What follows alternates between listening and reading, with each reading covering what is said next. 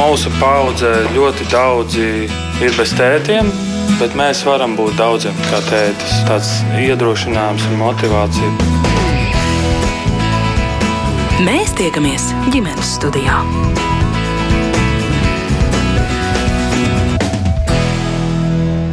Esiet sveicināti raidījumā ģimenes studijā. Jūs sveicina raidījuma producents Sarmīta Kolāte un šeit studijā pie mikrofona esmu es Agnēsa Drunka. Savukārt aizkadrā palīdz mums darboties Kristaps Ruņas un Tomas Beķeris.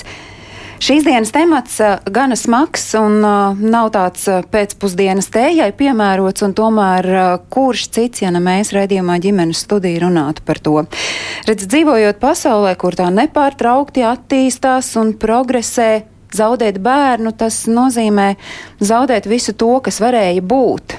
Mm, lai arī dzīvē ir tā iekārtots, ka nu, mēs ar prātu saprotam, ka nāve, gluži kā dzimšana, ir dzīves cikla neatņemama sastāvdaļa, ka uh, visam kaut kādreiz ir jābeidzas, tomēr bērna nāve ir tā, kas liek apšaubīt mūsu pašu nākotni, liek apšaubīt uh, mūsu identitāti, protams, arī sašķoba mūsu ticību, lai kam tā arī būtu, un tā apgriež arī kājām gaisā daudz priekšstatu par mūsu dzīvi. Un, uh, tai mirklī, kad mirst bērns, tad tā sastapšanās ar nāvi ir netverama, baisa, netaisnīga, arī nesaprotama.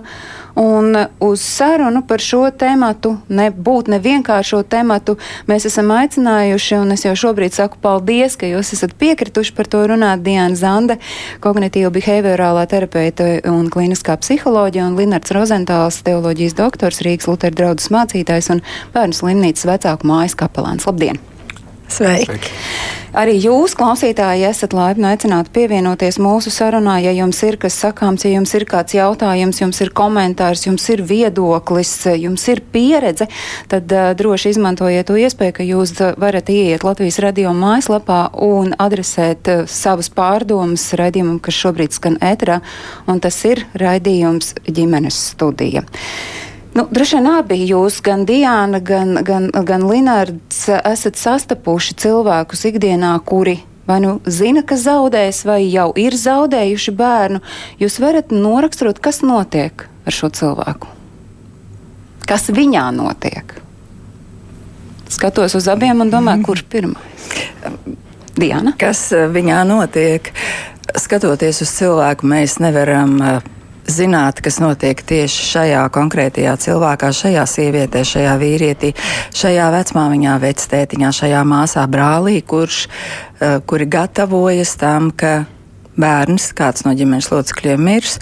Un uh, skaidrs ir viens, ka tad, kad mēs sastopamies ar nāvi, mēs ejam cauri sēru procesam, un sēru process ir universāls process, ko katrs piedzīvo absolūti individuālā veidā. Un tāpēc Tāpēc ir tas, ka mēs nevaram iekāpt otra pieredzē, mēs varam būt blakus.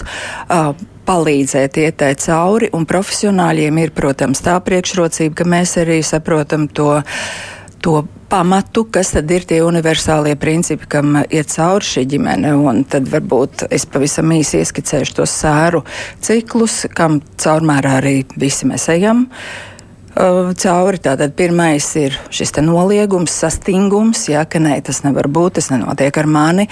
Nē, un ko mēs piedzīvojam bieži vien bērēs, kad cilvēks stāv pie tuvinieka aiz zārku un saka, es tam nevaru noticēt. Ja tad es nevaru noticēt, es nevaru to pieņemt. Un psihi mūs pasargā tādā veidā no pilnīgas sabrukšanas, ka es spēju izturēt absolūti neizturamu lietu. Un tad tālāk seko fāzes, kuras dažādā mišungā putrojas, jaucas, iet uz priekšu un, un atpakaļ. Tur ir gan um, vainošana, kur vaino un dusmas, kur vaino gan sevi, gan vaino ārstus, vaino dievu, dusmojas ja, par to arī dažreiz arī šo mirušo uh, cilvēku bērnu pat. Kāpēc tu mums to izdarīji? Tad šī perioda, piedod, es pārtraucu, šī perioda atslēgas vārds ir kāpēc? Uh, kāpēc tā ir tāda arī tas jautājums, kāpēc un tirgošanās. Un ja nu es būtu izdarījis kaut ko citu, ja nu es būtu varējis, nezinu, ēst vairāk spinātus, dzert mazāk kafiju, neiet, iet, darīt, pārbaudīt, nepārbaudīt, iet pie vecmāts, iet pie ārsta, iet pie citā ārsta, jā, darīt vēl kaut kādas lietas, kāpēc, nu, kāpēc un ko es būtu varējis darīt citādi. Un tad nāk depresija un izmisums, kad mēs apzināmies tiešām tiešām šo zaudējumu pilnībā, un tikai ar to izējot var cilvēks nonākt pie pieņemšanas, nevis pie piekrišanas, ka nāve ir nu, ka ir ok, bet pie pieņemšanas, ka tas ir noticis un veidot, pārveidot attiecības ar mirušo vai attiecības ar zaudējumu.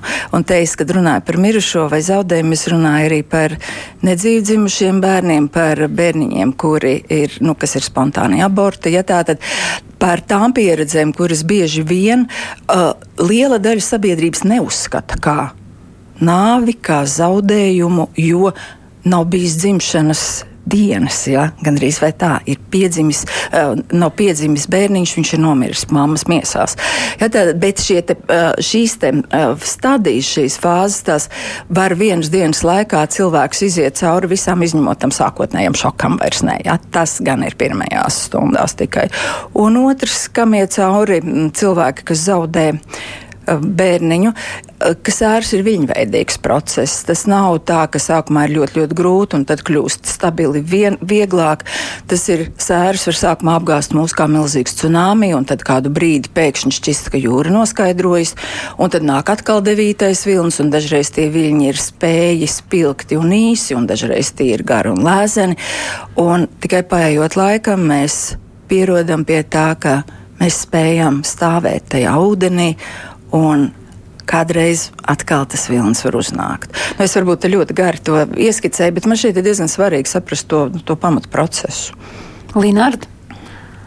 Jā, es domāju, ļoti svarīgi saprast to karti, kas, kas var būt un kas var būt tā vai citādi. Bet, kad es sastopos ar cilvēkiem, kuriem varētu drīz nomirt bērns vai kur ir piedzīvojuši šo zaudējumu, ir skaidrs, ka šie cilvēki stāv ļoti gara ļoti komplicēta, ļoti juceklīga, nepārredzama, nekontrolējama ceļa priekšā, un ka šī karte, šīs sērošanas, gan stadijas, gan fāzes, gan uzdevumi, kā lai mēs to nosauktu, kā mēs mēģinām šo, šo ceļu kaut kā sagrafēt, varbūt gan tāpēc, lai mēs viņu varētu labāk aptvert, bet, bet no citas puses arī no šis ceļš, kurā stāv vecāki, un kad viņš sākās, tas ceļš neatgriezeniski mainīs viņu dzīves. Tas arī ir skaidrs, ka tā dzīve nekad vairs nebūs tāda, kāda viņa bija pirms tam, jo šis bērns, vienmēr būs miris. Un, um, un tas nozīmē, ka būs daudz kas jāmācās no jauna, būs daudz kas jāsaprot no jauna. Un, un tajā pat laikā varbūt tas pirmais pirmais, pats lielais, nozīmīgais solis ir aptvert. Aptvert to, ka tā ir, ka ir tā, kā ir, aptvert šo slimību, kas var beigties ar nāvi, bet arī aptvert šo miršanu, aptvert to, kas ir noticis. Un ar aptvert, es domāju, nevis tikai tā kaut kur ar prātu mēģināt aptvert, bet, bet tiešām arī ļoti ķermeniski, ļoti fiziski aptvert. Tāpēc arī man kā mācītājam, protams, ir dzīvē ļoti bieži bijis jābūt bērēs, un es ļoti līdzdalu šo sajūtu, ka bieži vien cilvēki jūtās kā paralizēti. Mēs nezinām spērt to solīt pie zārka vai ko darīt, kā darīt. Un man šķiet ļoti būtiski, es vienmēr aicinu, ja vien, ja vien ir tā um, iekšējā sajūta, ka es to varu, ka es to drīkstu, dot šo atļauju, patiešām aptvert šo nāvi, pieskarties, pieskarties arī zārkam, pieskarties. Kādreiz aicinu vecākus, varbūt pat. Ka bērni, citi bērni, kas ir bērēs, viņi var apzīmēt šo zārku ar kādām, kādiem bildēm, ar kādiem veistījumiem. Nu, kaut kādā ziņā, kaut kādā ziņā pieskarties tam visam, aptvert. Jo bez šīs aptvēršanas tas sēru ceļš būs daudz samudžinātāks, daudz tāds grūtāks. Tas ir vienīgais, kas ir vajadzīgs, ka es vienkārši aptveru, ka es, ka es varu vēl, kad vēl tas ir iespējams, vienkārši pieskarties, aptvert un tad skatīties, kur tas viss man nesīs tālāk. Vispār šim ir iespējams sagatavoties. Nu, mēs uh, runājam uh, par brīdi, kad mēs nu, ejam, mēs nu, nojaušam, zinām, ka nu, nāve tas ir kaut kas, kas īsākā vai agrākā laika sprīdī, bet ienāks, būs ar mums līdzās esoši, ka mūsu bērns aizies viņa saulē. Un tad ir pēkšņs. Vai var sagatavoties, un vai Diana, nu, tevis pieminētās tās izpausmes un tas, tie sērošanas procesi, uh, tie ir vienmēr vieni, vienādiņi, arī tad, ja tu zini, ka tas kaut kad tavā dzīvē notiks. Nu, tā, ar tādu laika atstatumu izmērāmu, nevis ka kaut kādu vienkārši. Sagatavoties. Um, savai nāvei sagatavoties, es domāju, tas ir briedums, nobriest un pieņemt uh, dzīves ciklus. Bet uh, arī ar visu to ir ļoti komplicēti iet pretīm tam, ka beigsies kaut kas. Bet esot bet, ja, blakus savam jā, bērnam, kuram bērnam, tā nu, nosacīta diagnoze um, ir pateikt, ka tas nebūs uz mūžu. Dažkārt mēs jaucam tādu pieņemšanu par ko un aptveršanu ar kognitīvu tādu tā kā izpratni. Es varu kognitīvi, domās, racionāli sev skaidrot un apzināties un būt sarakstījusi plānus un visu izdarījusi tehniski, tehnoloģiski. Un varbūt tas arī palīdz, jā, jo tas patiešām dažkārt arī ir, ir ļoti svarīgi, arī rutīna. Bet, emocionāli sagatavoties. Mēs varam, eh, es domāju, to var salīdzināt ar to, ka ja mums tagad būtu jālec no milzīga kuģa okeānā.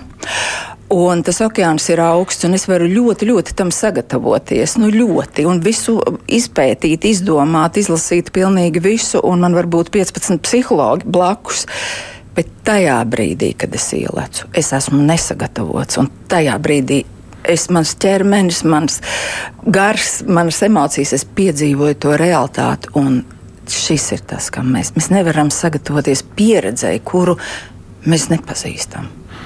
Nu, kur dziļākā nozīmē jau neviens tā līdz galam nepazīst. Tas patiesībā nozīmē, ka nu, jebkuram vai nu tas notiek ar mani, vai tas notiek ar manu tuvinieku, nāve ir kaut kas neaptverams. To mēs nevaram aptvert. Tas, tas vienkārši nav iespējams to kaut kādā ziņā aptvert. Un, un tāpēc arī cilvēks, kas to piedzīvo, un it īpaši, ja tas ir kaut kas vēl tik neaptverams kā, kā bērns, kurš aiziet vai nedzīvu dzīves bērns, tad arī mums ir kaut kā tiem apkārtējiem ļoti jārespektē šī neaptveramība. Un nav jāmēģina kaut kā palīdzēt, aptvert vai kaut kādā veidā pastāstīt, vai izskaidrot, vai kaut kā mēģināt cilvēkus pat nomierināt. Jo tas viss, tas viss tā kā mēs tā kā mēģinām mazināt to neaptveramību. Un, un tā neaptveramība ir tāds kaut kādā ziņā, nu jā, cilvēks beidzās, viņš tiek pabeigts, tā dzīve noslēdzās. Un tāpat kā mēs ienākam šajā pasaulē no kaut kādas neaptveramības, tā arī cilvēks aiziet šajā neaptveramībā.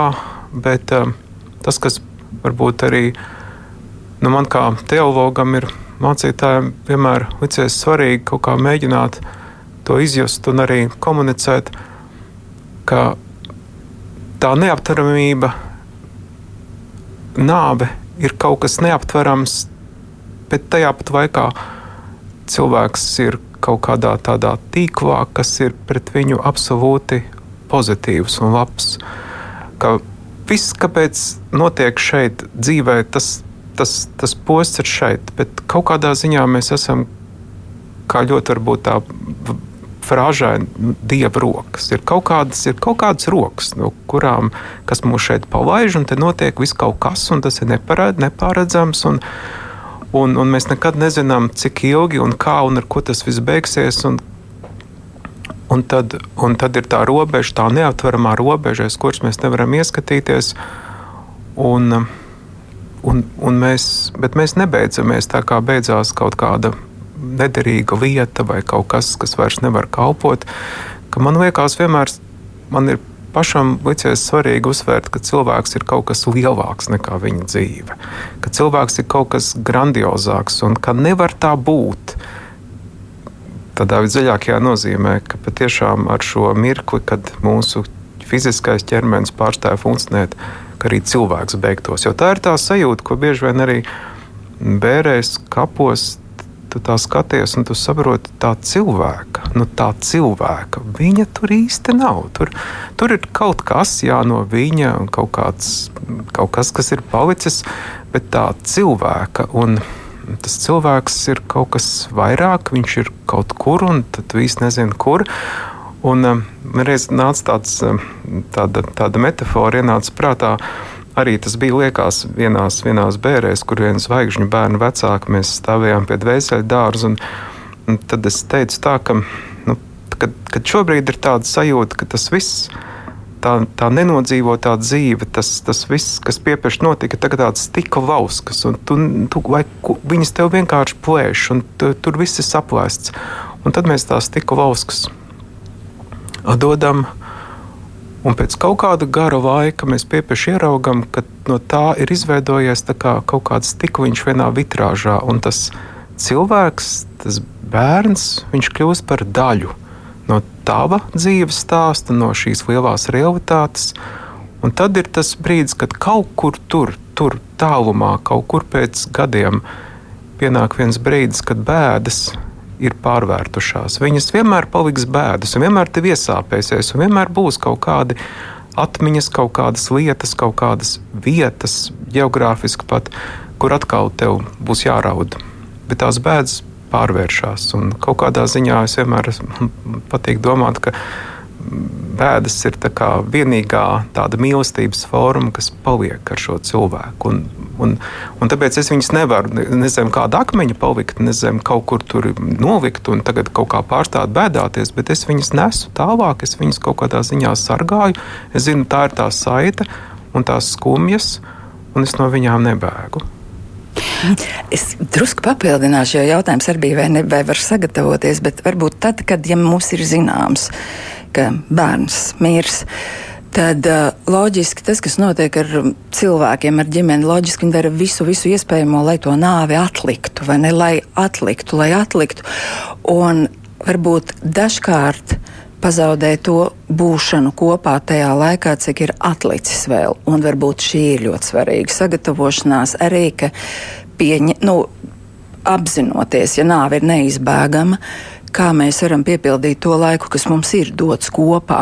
Tas neizslēdz ārstēšanu, protams, un, un mēģinājums uzlabot to dzīves kvalitāti, cik vien iespējams, bet būt kopā, jo tas, kas notiek nāves tūmā, daudz cilvēku, un tas ir saprotami, nobīst un grib iet tālāk projām, attālināties tā vietā, lai būtu kopā. To iespējams kāds varbūt pat salīdzinās ar tādu, nu, ja ļoti skarbi tas skan, bet apglabāšanu pirms laika. Nu, ja, dzīvojot jau ar to domu, ka es zinu, ka mans bērns aizies viņasaulē, es jau sāku iespējams sevi gatavot un apkārtējos un pat aizmirstot par, par, par bērnu, kurš ir tajā brīdī slims un kurš vēl joprojām ir dzīves. Un mēs tērējam enerģiju šai fantāzijai, kā tad būs, kā, kā es mhm. jutīšos, ko es darīšu, bet, bet varbūt arī ir svarīgi tiešām, jā, tas būs Un visticamākais tas tiešām tā būs, bet tad, kad tas būs, tad, tad, tad es būšu, tad es domāšu par to. Bet tagad es esmu kopā, es, es turpinu maksimāli, cik vien ir iespējams, šo normālo dzīvi dzīvot līdz galam, dot savam bērnam maksimāli no savas mīlestības, no savas klātbūtnes, neļaut, lai šī slimība uz nāvi sagrauj to laiku, tās attiecības, tās iespējas, nu, kas vēl tajā dzīvē ir. Jo mm, jūs teicāt, zaudēt ticību. Nu, tieši to, to bieži vien arī cilvēks zaudē to ticību, ka šajās nedēļās, šajā mēnesī, šajā pusotrā mēnesī vēl kaut kas var skaisti notikt. Vēl kaut ko šis bērns var man būtisku, skaistu, nozīmīgu iemācīt. Vēl es viņam varu būt labs vecāks līdz pašam pēdējam brīdim, un arī, un arī, un arī pēc tam. Un tas ir kaut kas, ko es ļoti. Tas, uz ko fokusēties bieži vien mums aizmirstās, vai mēs tāpēc, ka Nu, jā, mēs nezinām, ko darīt ar šo, ar šo, šo laiku, kas mums ir iedots. Mēs nonākam kaut kādā panikā, bet, bet, bet kā dzīvot to normālo dzīvi līdz galam? Jā, gan ģimenei, gan brāļiem, māsām, vecākiem būt kopā dzīvot. Jo bērns vēl ir dzīves. Tas ir ārkārtīgi grūti noteikti, jā, tas, bet tas ir laikam labākais, ko mēs varam iedot tam bērnam un arī patiesībā sev un pārējai ģimenei. Tas, kas ieskanējās Dienas sacītajā, ka mm, lūk, šeit par, par bērnu, kurš ir slims, mēs uh, gatavojamies un ejam ceļā uz to, ka viņš uh, drīzāk vai vēlāk atstās šo pasauli, atstās mūs. Ir pēkšņas nāvis, kad mums nāks samierināties ar bērnu zaudējumu. Bet kāpēc nu, zvaigžņu bērni, nedzimušie bērni to nu, tikai pamazām, tikai šobrīd mēs sākam mācīties, ka tas ir tieši tā tāds pats zaudējums, arī spontāna aborta uh, laikā zaudēts bērns ir tāds pats zaudējums, kā tad, kad mēs jau esam kādu laika sprīdi kopā to ceļu nogājuši. Mm. Nu, viena no tādām, ne, tur ir noteikti pietiekami daudz komponentu, lai par šo veselu raidījumu runātu, bet um, mūsdienu rietumu kultūrā bērns ir ļoti liela vērtība, jo cik daudz ģimenei bērnu ir. Uh, medicīnas iespējas ir milzīgas, ka tātad mēs paredzam, ka faktiski, nu, nu, mēs gaidām, ka katrs bērns piedzims. Mums ir tāds gandrīz vai tā kā laimes apsolījums, ka cilvēks piedzims vesels, dzīvos ilgi, būs laimīgs, jā, ka ciešanu nebūs. Un šis ir tāds tā kā drusku uzstādījums iekšējais daudziem, ja tas tā kā būs būs viss labi, kaut gan nu, neviens, diemžēl, nav mums to solījis. Nav tā, ka pirms 100 vai 300 gadiem cilvēki uh, viegli panesa bērnu nāves, bet bija daudz vairāk, ne, nebija spēju kontrolēt. Piedzim, uh, ja bija kādas problēmas auglītim, bija šis aborts spontānais, tas bērni mīra daudz vairāk. Tā bija skarba, bet realitāte šobrīd tas ir. Nu, daudz retāk, ja? Un, bet tomēr tas viņš taču vēl nav piedzimis, viņš jau neskaitās. Tas tā kā no paudzes paudzē tiek nodots kā daudz citi mīti un vēstījumi par to, kā jādzīvo kā jāsēro, kā jāmīl, kā jāstrādā, ja, kas ir svarīgs, kas nav svarīgs. Un, um, ir eh, tas, ka kultūra mainās daudz ātrāk nekā stereotipi par to, ka, nu, pagaidi, nu, jums taču būs vēl citi bērni, nu, jūs taču jauni. Ja?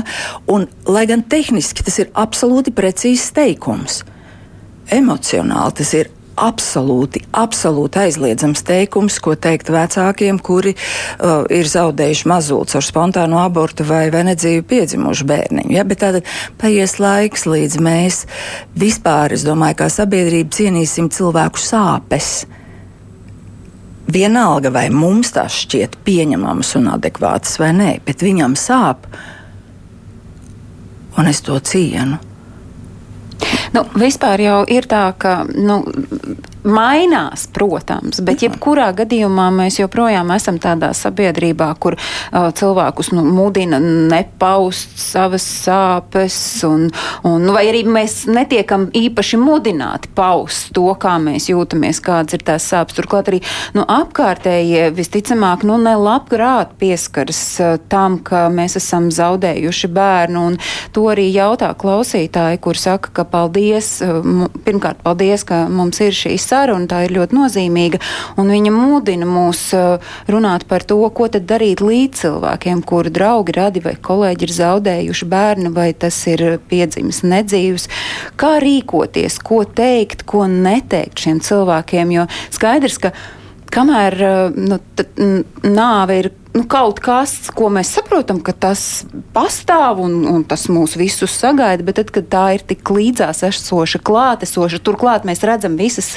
šīs uh, fiziskās un emocionālās izpausmes, tad nu, mēs nezinām, ko darīt, kā, kā rīkoties, ko teikt, ko neteikt. Diana ieskicēja, ko, kas ir salīdzinoši normāla frāze, bet ko tai brīdī neteikt, tas ir tā, tāda sarkana lupa. Jā, es domāju, ka tāpat kā viens no tādiem, ko es jau minēju, tas aptveršanas uzdevums sērās, bet otrs ir izpaušanas, ka visam, ko, šis, ko šī nāve ir tev ienesusi iekšā, viņam ir jābūt kaut kā izpaustam uz āru. Tas nozīmē, ka cilvēkiem, kas ir kas nu, nu pat kā ir piedzīvojuši šo zaudējumu pirms mēneša vai pirms trim mēnešiem, bet varbūt pirms deviņiem vai pirms pusotra gada, viņos ir milzīga vēlēšanās joprojām stāstīt. Tam stāstam, un tas stāsts atkārtojās un atkārtojās, un tāpēc ir ļoti svarīgi, kad ir kaut kādi draugi, kaut kādi uzticami cilvēki, kuri arī pēc mēneša ir gatavi vai uzklausīt, vai pēc pusotra gada, vai pēc pusotra. Uh, un, un ka vecāki var stāstīt gan par to, kas notika, gan par to, kāds tas bērns bija. Jo šim stāstam ir jātop izstāstītam, tam visam ir kaut kā jāizniek uz āru, ne tikai tādā varbūt racionālā veidā, kā tāda kaut kāda biogrāfija, bet arī caur visām tām emocijām. Nu, Tāpat ir raudāšana. Nu, katram ir kaut kāds rezervārs iekšā, kas vienkārši jāizrauda. Un tās asaras nedrīkst spiest, spiest atpakaļ. Jo, jo tam visam ir jāiznāk laukā, un vienam ir vairāk, un otram mazāk. Un tāpēc ir kaut kādi cilvēki ļoti svarīgi, kas tev apkārt. Un kādreiz arī ir tā, ka ļoti tās lomas tu negaidi. Um, tu, tu neizvēlies bieži vien, kas būs tas cilvēks. Tev likās, ka varbūt šis būs tas, kas tev palīdzēs, bet beigās ir tādas pavisam otrādi. Un patiesībā apkārtējiem ir jābūt pietiekami izturīgiem un kaut kādā ziņā drosmīgiem izturēt šo atkārtinātību, šo, šīs sāpes. Um, un, un, un tajā pat laikā arī respektēt to, ka šie vecāki grib noslēgties, negrib šodien neko stāstīt, negrib atbildēt uz tavu telefonu zvanu, uz taviem piedāvājumiem. Bet, bet tajā pat laikā arī, arī nešaustīt sevi. Jā, nu, kaut kādā ziņā, kaut kādā ziņā ja mēs tiešām nesarunājam kaut kādas galīgas muļķības, šāds teikums, ko mēs jau te pieminējam, mēs jau arī nevaram kaut kā nu, ļoti pasliktināt visu to situāciju, jo tas ir. Tas ir traki, kas te ir noticis. Tas ir kaut kas neaptverams. Mēs varam tikai vienkārši būt klāt un, un mēģināt reaģēt un atsaukties tiem brīžiem, kad mēs jūtam, mēs varam šeit kaut ko palīdzēt, kaut vai nezinu, kurpes notīrīt vai ēst uztaisīt. Uztaisīt kaut ko, kaut ko praktiskas praktisku, lietas. Jā, praktiski. Un, un tas ir tas, ko atkal mēs nezinām, kā palīdzēt. Un tas ir diezgan bieži. Ja es nezinu, kā palīdzēt, es vienkārši stāvu uz vietas un klusēju. Bet es eh, tuvinieki var pajautāt. Viņi pirmkārt arī var teikt, ka es, es nezinu, ko lai tev pasaka. Jo tas arī ir tas. Mums nav jāizdomā. Mēs varam pateikt, es nezinu. Es, es nevaru iedomāties, kam tu ej cauri bet es varu būt te. Un vai mēs varam sarunāt, ka tu prasi visu, ko tev vajag no manis? Kaut vai trijos naktī tu man vari zvanīt, es te būšu. Kas tev ir vajadzīgs šobrīd, ko es varu darīt? Mēs varam jautāt, bet nevis mesties virsū un tagad palīdzēt. Es zinu labāk, kāda palīdzība tev ir vajadzīga. Ko tas nodarīs? Ko tas nodarīs? Es pieļauju domu, ka ir mm. daļa cilvēku, kuri uh, neapzināti domājot, ka tas ir tas veids, varbūt novērsīs domas mm. vai, vai mm. vēl kaut Jā. kā. Es taču, nu, es gribu, lai, lai tu beidz raudāt. nu, ir taču gads jau pagājis. Jā. Nu, es vienkārši iedomājos. Mierinu man vajag, lai tu beidz raudāt. Es nevaru izturēt, ka tev sāp. Man ir grūti noskatīties, ka tu esi izdēdējusi, ja, vai, ka, vai ka jūs vairs nepriecājaties. Ja. Man, es nevaru, tātad mums ir jāspēj izturēt savi, savas sāpes, jo mēs šajā situācijā tomēr neesam tie galvenie cietēji. Kaut gan, protams, tas var būt piemēram vecvecāki, kuru bērnam mazbērns aiziet bojā. Ja, tā tad es esmu gan vecmāmiņa, kam ir jāatbalsta savs bērns, un vecmāmiņa, kas ir zaudējusi mazbērnu. Varbūt arī šis nu, tiešām tas lomu apjukums, sajukums, bet jā, ka izturēt to, ka otram ir grūti un nemēģināt viņu no tā izraut ārā. Tas ir līdzīgi kā pie depresijām. Būt klāt, un parādīt to, ka es esmu pieejams. Tad, kad tev vajag un tādā veidā, kā tev vajag. Un dažreiz es teikšu, ka es šobrīd nevaru būt tev klāt, jo arī, arī tā var būt. Tas ir tajā situācijā, kad uh, tas, kurš ir zaudējis bērnu, ir spējīgs pateikt, man tagad nevajag, bet iespējams kāds būs tāds, kurš, nē, nu, ja jau man visi saka, ka man ir jābeidz raudāt, labi, nu es tagad beigšu, un tad mēģina, nu, neizējot visus pieminētos mhm. sērošanas posmus, vienkārši mēģināt pierādīt, nē, nu, ka tā jau es vispār tieku ar visu galā. Kur mm tur slēpjas tā bīstamība? Man ir ko teikt, bet varbūt Linnārds pateiks, man ir tāds salīdzinājums. Viņš, ja? Es iedomājos arī par to, ka, mm, jā, kad, kad sērās ir mm, tiešām jāapzinās, ka būs ļoti daudz padomdevēju, kuri, kuri stāvēs bieži vien rindā un katram būs ko teikt. Bet, bet man ir tiesības kā, mēģināt sak, sajust, kas tiešām man palīdz. Un, um, un kas, tas, kas palīdz, var būt kaut kas ļoti individuāls. Katram pilnīgi kaut kas cits.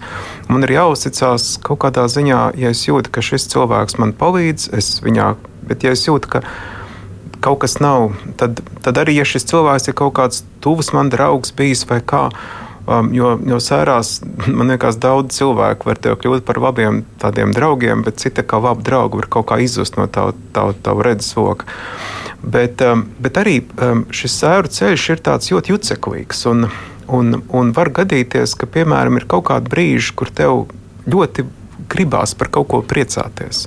Kad, kad ir kaut kāda svēta, ko tu nosvini uz kaut kādu brīdi, un no tā arī nevajadzētu baidīties vai kautrēties. Piemēram, man tagad ir jābūt ļoti bēdīgam. Šajā mēnesī es būšu ļoti bēdīgs, un viss saka, ka es vēl varu raudāt, un tāpēc es būšu bēdīgs. Bet, bet, bet, bet kas ir tie brīži, kas ir tās saliņas?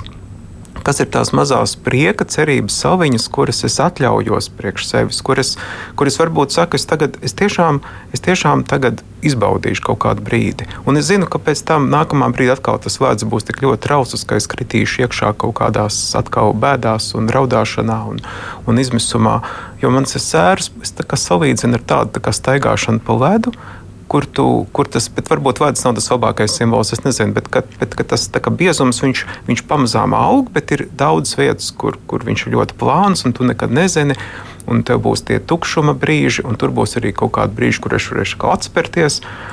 Bet, um, Bet jā, mums jārēķinās, ka kādreiz pat mums vajag kādu draugu, kas atvēr šos daudzos padomdevējus, man ir jāuzticas no tiem cilvēkiem, no kuriem es jūtu kaut kādu īstumu, kaut kādu autentiskumu un kaut ko, kas ar mani rezonē. Faktiski diezgan līdzīgs stāsts, bet varbūt vēl no citas skatu punkta. Tātad, tad, kad mēs zaudējam, kad ir šis zaudējums, kad ir nāve, sēras pārņem pilnīgi visu, ja tas minētais tsunami. Tātad vecāki iekrīt tādā, nu, pilnīgā bedrē sēras. Un uh, iztēlosimies tā sēru puse ir milzīga, un dzīves puse ir maza maziņa. Jeb funkcionēšanas puse. Es nespēju pat varbūt paēst, piecelties, matus izmazgāt. Es esmu pilnīgi tā kā sapnī. Tātad šī daļa ir maziņa, maziņa, maziņa. Un sēras ir milzīgas viens pret simts, teiksim, un tad pamazām laikam ejot, šeit parādās divi, pieci, šeit druskuļi nokrītās. Ja tā tad es varu arvien vairāk dzīvot, un tad ir brīži, kad es patiešām esmu priecīgs. Un tas ir ne tikai normāli, bet tas ir nu, svarīgi, ka dzīve prasa savu. Un tas nenozīmē, ka šeit vairs nekā, bet tad atkal es iekrītu vairāk sērās. Un tā pamatīdēja laikam ejot, sēras pamazām, pamazām, pamazām noplūk, un mēs atkal varam vairāk atgriezties dzīvē. Sēru process pāriet zaudējums, sāpes, skumjas, mīlestība pret zudušo, pret mirušo nepāriet, bet pāriet šis akūtais sērošanas process. To ļoti svarīgi nodalīt, ja? jo mēs nesērojam 40 gadus. Ja? Mēs sērojam to sākotnējo posmu, bet mēs skumstam, mums sāp, mēs mīlam zaudēto cilvēku visus 40 gadus. Sēras ir uh, laika limitā iekļaujamas? Drusciņā, jā. Nu, kāds ir tas laika limits? Drusciņā, jā. Un, uh, nu, um, tā kā pirmkārt, nu tā. Bet šeit es ceru, ka klausītāji nesāks piemērīt kalendāru, ka nu, tas gads ir tā tāds tradicionāli pirmā dzimšanas diena, pirmie Jāņa bez, pirmie Ziemassvētki, 1. 1. septembris bez, respektīvi iziet to ciklu, kurā ir atgādinājumi pirmo reizi. Un tad, protams, arī.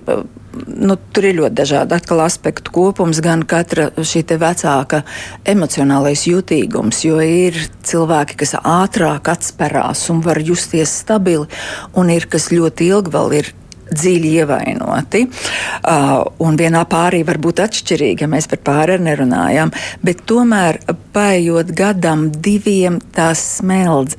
Sēras, aktīvās sēras pāriet smeldzē, skumjās. Un ir termins ieilgušas sēras, un tur nu gan vajadzētu palīdzēt cilvēkam atgriezties un dzīvot dzīvi. Un šeit, protams, ļoti mēs profesionāļi esam nu, tās darba rokas, kas palīdz iemācīties dzīvot tālāk, dzīvot ar zaudējumu, bet dzīvot. Kas dzīvot liecina? laimīgi? Dzīvot laimīgi, laimīgi. jā. Bet jā, kas liecina par tām ielgušajām sērām? Un, nu, kaut vai tas, ka laiks iet, un nezinu, ir pagājuši divi gadi, bet faktiski cilvēks daudz vairāk dzīvo tajā sērošanas, tajā atmiņu, um, vainas, tirgošanās, dusmu, visā šajā um, stāstā. Ne, tas bija šeit, nekā dzīves stāstā. Ja varbūt viņš uh, dažkārt, ja tie ir vecāki, nespēja pievērst uzmanību dzīvajiem bērniem tik ļoti. Arī uh, šī kapu apmeklēšana katru dienu, uh, kas mm, es negribu teikt, ka nevajag doties uz kapiem, bet tā kā iestrēgšana zaudējumā un tajās sāpēs, tā it kā nekā cita nebūtu dzīvē. Tas ir tas. Un tas, tas principā ir briesmīgi priekš paša cilvēka, bet arī priekš pārējiem ģimene iestrēgst. Varbūt es iedomājos, ka tāds viens tā kā, zīme, pazīme, ka Jo tam zaudējumam, tas pēdējais uzdevums sērām ir, ka tam zaudējumam ir jātiek integrētam tavā dzīvē. Tas nozīmē, ka iedomājoties par šo cilvēku, kaut kāds pirmais impulss nav vairs tā nāve, vairs nav tas zaudējums, bet tas cilvēks pats, jo tas cilvēks ir.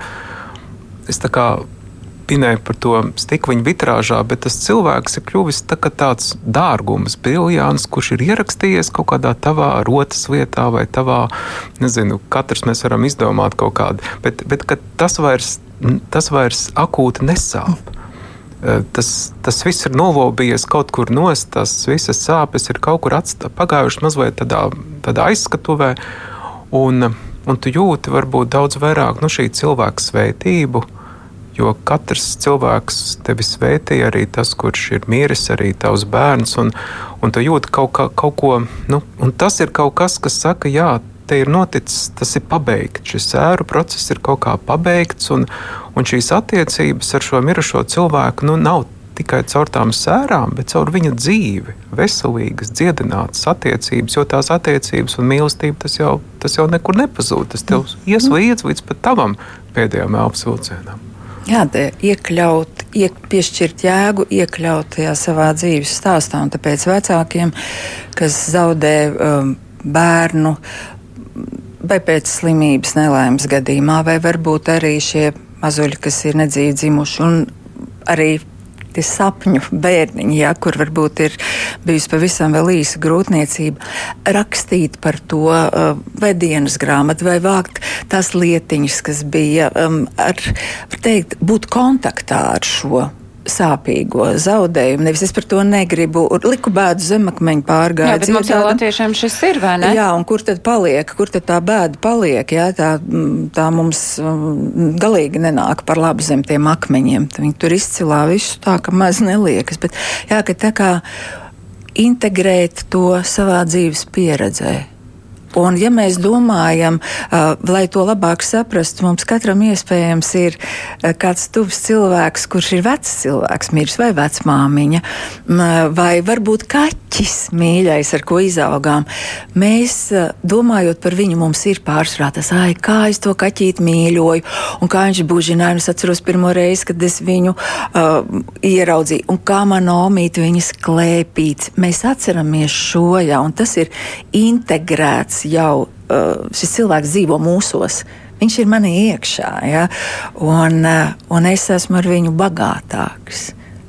Nevis viņš ir visu laiku mīris, mīris, mīris. Ja? Tas ir. Mēs varam dzīvot ar, nu, tā kā teica, tādu svētību. Jā, varam teikt, ka nu, šis mirušais cilvēks ir kaut kādā ziņā dzīves, bet pilnīgi citādāk, mm -hmm. pilnīgi mhm. savādāk. Mm -hmm. Bet joprojām tur ir kaut kāda dzīves saite. Jā, mēs nevaram ar viņu dzīvīgs. satikties, mēs nevaram mm viņam pieskarties. Nu, uh, laikam nav vieta. Nē, es nevaru to nepateikt. Man bija desmit gadi, kad nomira mans paps. Un man joprojām ir sajūta, viņš ir manī. Jā? Es ar viņu varu parunāties. Bet, kad viņš nomira, es teicu, ka es nekad mūžā vairs nesmiešos. Nekad mūžā. Nekad mūžā. Jā. Kāda klausītāja raksta, bērns nomira pēkšņi pirms gandrīz gada, joprojām nepalīdz nekas, un tas nekas ir ar lieliem burtiem rakstīts. Iekšēji bieži domāju par došanos pie viņa. Dievam vairs netic, jo viņš mūs ir atstājis. Tāds palīgā sauciens. Un šeit arī ir tas palīgā sauciens. Dažreiz, ja sāras ieilgst, vai ja, ir, uh, ja cilvēks jūtas tā, ka viņš nekādi nespēja virzīties uz priekšu, tad šis ir tas gadījums, kad ir jāuzmeklē profesionāļa palīdzība. Jo, kā jau es teicu, ir cilvēki, kas ir emocionāli jutīgāki, ievainojamāki. Varbūt jau iepriekš ir vēl kāda trauksme vai depresija, vai ir kādi apstākļi, kuru dēļ šis cilvēks nevar tapt atbalstīts no apkārtējiem. Un tad šis profesionāļa um, atbalsts, palīdzība ir tā, tā roka, ka pie kā pieturoties cilvēks var virzīties uz priekšu savā dzīvē. Jo, mm, Nāve un mm, bērna nāves pārvarēšana tas nav kaut kas, kur cilvēks drīkstētu palikt viens.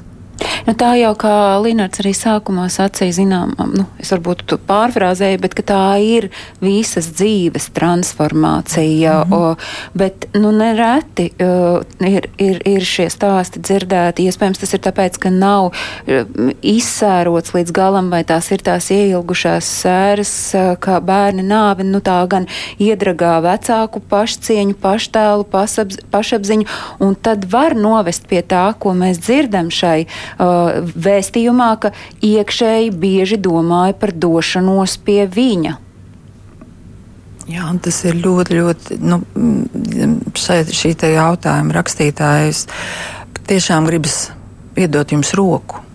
Jā, un varbūt jums ir kāds, kas to roku tur, pie kā, pie kā pieiet, jo tas nevar, to mēs patiešām nevaram pateikt, ka mēs saprotam, bet ir ļoti svarīgi, ka jūs meklējat pirmkārt kādu, kas ir tuvumā, kas var saprast, bet arī profesionāli, kas var palīdzēt. Un jums, Līna, droši vien arī nu, nākas dzirdēt to, ka es dievam vairs neticu. Viņš vienkārši mūs ir atstājis. Jā, jā. Es to ļoti bieži esmu dzirdējis un dzirdu, par to man ir bieži bijis jādomā. Un, um, tas droši vien ir Tas droši vien ir jautājums par to, ko mēs ar šo vārdu vispār domājam un saprotam. Un mēs varam arī saprast dažādas un atšķirīgas lietas. Ja, ja, ja tā dieva bilde ir, nu, ka viņš ir kā, nu, diriģents, kurš kā, diriģē kaut kādas notikumus šeit un kaut ko ļauj vai kaut kam neļauj būt, tad, protams, ka nu, tādam dievam, jā, izējot cauri trakiem zaudējumiem, ir ļoti grūti ticēt, ka, kāpēc viņš to tā ļāva un kāpēc viņš joprojām nedara kaut ko, neiejaucās, nemaina to realitāti. Bet, bet es vairāk domāju par Dievu kā par tādu nu, kaut ko līdzīgu tā kā mīlestība, atdošana, cerība, um, mīlestība no vienas puses viņi nevar mainīt kaut kādu realitāti. Bieži vien arī pat to, kā es jūtos, un kur nu vēl kaut kādu fizisku realitāti. Bet viņa var kaut ko mainīt, viņa var kaut kādā ziņā būt tā, caur kuru es jūtos pieņemts, pasargāts, kaut kādā veidā kaut kur vadīts. Un man šķiet, ka, jā, ka Dievs nav tas, no kura tas viss nāk. Un, um, kaut kādā ziņā viņš nav iesaistīts visā tajā, kas ar mums notiek, ļauns, briesmīgs. Bet viņš ir, nu, un atkal tas tāds pieredzes jautājums. Tas, tas nav tā, ka es varētu tagad sevi vai kādu citu vainot, ka mēs to nevaram kaut kā pieredzēt vai kā. Bet, bet vienkārši ir kaut kāda brīža, kur tu, kur tu kaut vai uz zipsni, tu sajūties, kad, kad ir kaut kāda klātbūtne ir kaut kas tāds, nu, ka tu joprojām bišķīt gribi dzīvot. Ir kaut kas tāds, ka tu vari to solīt spērt. Un es domāju, Um, jā, man arī dzīvē ir nācies pieredzēt, ka, manuprāt, Dievs ir vairāk tas, kurš ar mums ir kopā, tad, kad mēs nevaram dzīvot un izturēt un nezinām, ko tālāk darīt. Viņš ir tā neredzamā klātbūtne, bet, bet tāpat vai kā nav garantēts, ka, nu, ka es viņu kaut kā sajutīšu. Un, un lielā mērā tā ir tāda tā kā uzticēšanās, ka es neesmu viens, ka es neesmu viens šajā pasaulē, ka ir kaut kādas neredzamas rokas, kaut kāds tīklojums, kas man tur Pat ja man liekas pilnīgi, pilnīgi citādi, pat ja man liekas pilnīgi otrādi. Un kādreiz tieši, nevis kādreiz, bet es domāju, visvairāk tieši caur tiem cilvēkiem, caur, ja ir kaut viens cilvēks, caur kur es to atbalstu, piedzīvoju un jūtu. Un tad, arī, tad arī tā ir tā dieva balss, dieva klātbūtne, dieva tuvums. Um, jā, bet es domāju, ka nu, tas ir ļoti, ļoti komplicēti vispār, jo, saku, jo katram mums ir ar šo vārdu savas asociācijas. Un, un, un, un, manuprāt, mums jā, nav vienkārši šo vārdā Dievs ielikt tik ļoti dažādas lietas, ko mēs katrs domājam, un jūtam un sagaidām kādreiz. Bet, um, Nu, še, es domāju, šīs uh, mūsu raidījuma klausītājas e-pasta adrese te ir norādīta. Mēs viņu pieturēsim, un es pieļauju domu, ka, ka ir nepieciešams ar, sazināties ar viņu, bet mēs uh, ieskicējot sēras, uh, vairāk ir tā emocionālā puse. Vai ir arī kaut kāda fiziskā izpausme un kāda? Bet Protams. Nu, nu, viens bija raudāšana, ko ķermenis, mēs. Ja mēs un ķermenis taču arī cieš. Tātad te var būt ļoti, ļoti daudz dažādu komponentu, un, protams, dažādās situācijās, ja ir nedzīvi dzimis bērniņš, tad tur ir visas hormonālās pārmaiņas, atgūšanās no dzemdībām. Ir dzemdības, viņas taču notiek. Ja? Tāpat pēc spontānā aborta. Um, varbūt, bet ja bērniņš jau ir ar mums bijis um, un uh, tad nomirst. Vienalga šī nāve, pirmkārt jau arī gatavojoties, ja tas nav negaidīti, tas prasa no vecākiem milzīgu resursu.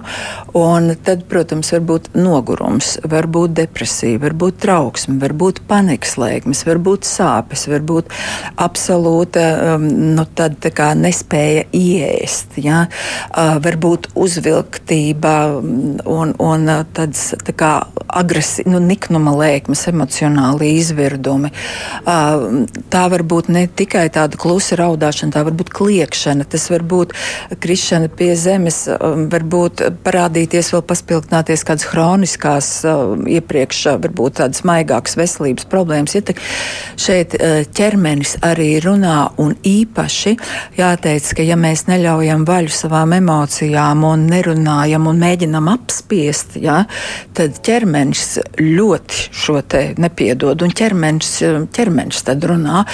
Tā kā var teikt, jā, ir arī šie simptomi, un tur varbūt tas nenozīmē, es tādu nosaucu daudzus un visus pat nē, ka jābūt visam, bet katrā ziņā mēs cilvēks, kurš sēro, viņš var just to, ka ķermenis arī, viņš var just disociācijas, tā kā nejūtu sevi savā ķermenī, vai tādu tā kā derealitātes izjūtu, ka viss apkārtējais man ir izplūdis, un, protams, vēl vēl ķermenis, bet arī kognitīvās funkcijas, tātad domāšana, varbūt uztvere ļoti, ļoti sašaurināta, kā pie depresijas, eh, koncentrēšanās nespēja. Eh, ko es teicu, es neatceros. Ja? Um, es, eh, lēmumus nevaru pieņemt. Ja tāpēc arī ir tas, ka krīzē nedrīkst pieņemt lēmumus, ja, jo cilvēks pēc būtības, ja tas, viņš nespēja funkcionēt, viņš ir sagrauts. Un tāpēc ir tik ļoti svarīgi tā, tas atbalsts, jā, un ķermenis, protams, protams runā te gan es gribētu teikt, atkal mēs varbūt tā kā šodien runājam vecāki, bet ja mēs domājam par uh, vīriešiem un sievietēm, un sevišķi atkal mēs kaut kā vairāk esam drusku sadalījušies par tiem uh, nedzīvi dzimušajiem bērniņiem šodien. Un Linārds varbūt vairāk jau par, par bērniem, kas slimības rezultātā vai negadījumā iet bojā, bet ka bieži vien vīrietis tiek. Viņš mobilizējas, lai sniegtu atbalstu savai sievai, un sieva ļaujas savām emocijām, un vīrietis mēģina sevi savākt. Un savāc un savāc, un tad, kad sievai jau kļūst labāk, kā, tad viņam vairs nav tā kā vietas eh, sērot, jo tā kā ir pagājis laiks. Uh, vai arī tās viņa sēras var izpausties kaut kādā ļoti nu, tādā, nu, nelabā veidā, ja atkal caur agresīvu vai caur vielu lietošanu, lai nomierinātos. Ja? Respektīvi, diezgan bieži mēs bērna zaudējumā vairāk pievēršamies mātes ciešanām, bet tēvs arī tur Jā. ir. Viņš arī cieš.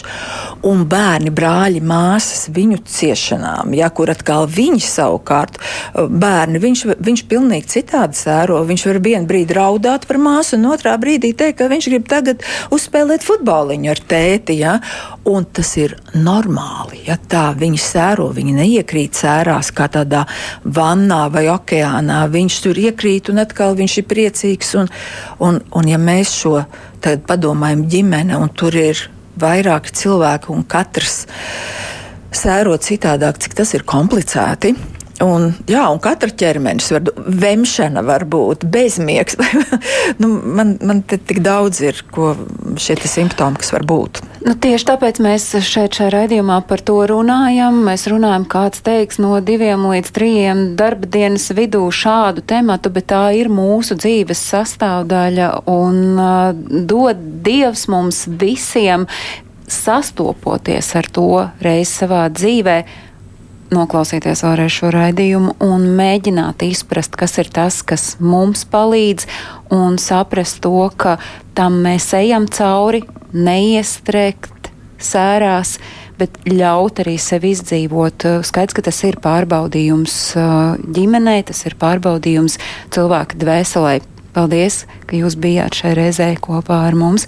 Es saku paldies uh, kognitīvu behaviorālajai terapeitei un klīniskai psiholoģijai Dianai Zandei un paldies Linardam Rozentālam, kurš ir teoloģijas doktors un Rīgas Lutera draudzes virsmācītājs, kā arī cilvēks, kurš ir klāt vecākiem tajā mirklī, kad viņa bērns aiziet viņa saulē, jo Linards ir bērns Linītas vecāku mājas kapelāns. Paldies jums, klausītāji, ka jūs bijāt kopā ar mums. Rīt ģimenes studija dodas ciemos pie Alises Taigas un Augustes avotām. Alise ir zīmolvede, komunikācijas speciāliste un viņu mamma. Apzīmējums vientuļā māte. Viņai nedz patīk, nedz piestāv. Viņa sevi labprātāk sauc par solo mammu. Tas rīt ģimenes studijā, bet šodien paldies, ka jūs bijāt kopā ar mums, lai visiem ir brīnišķīga šī atlikusī dienas daļa. Paldies, un tā. Paldies! paldies.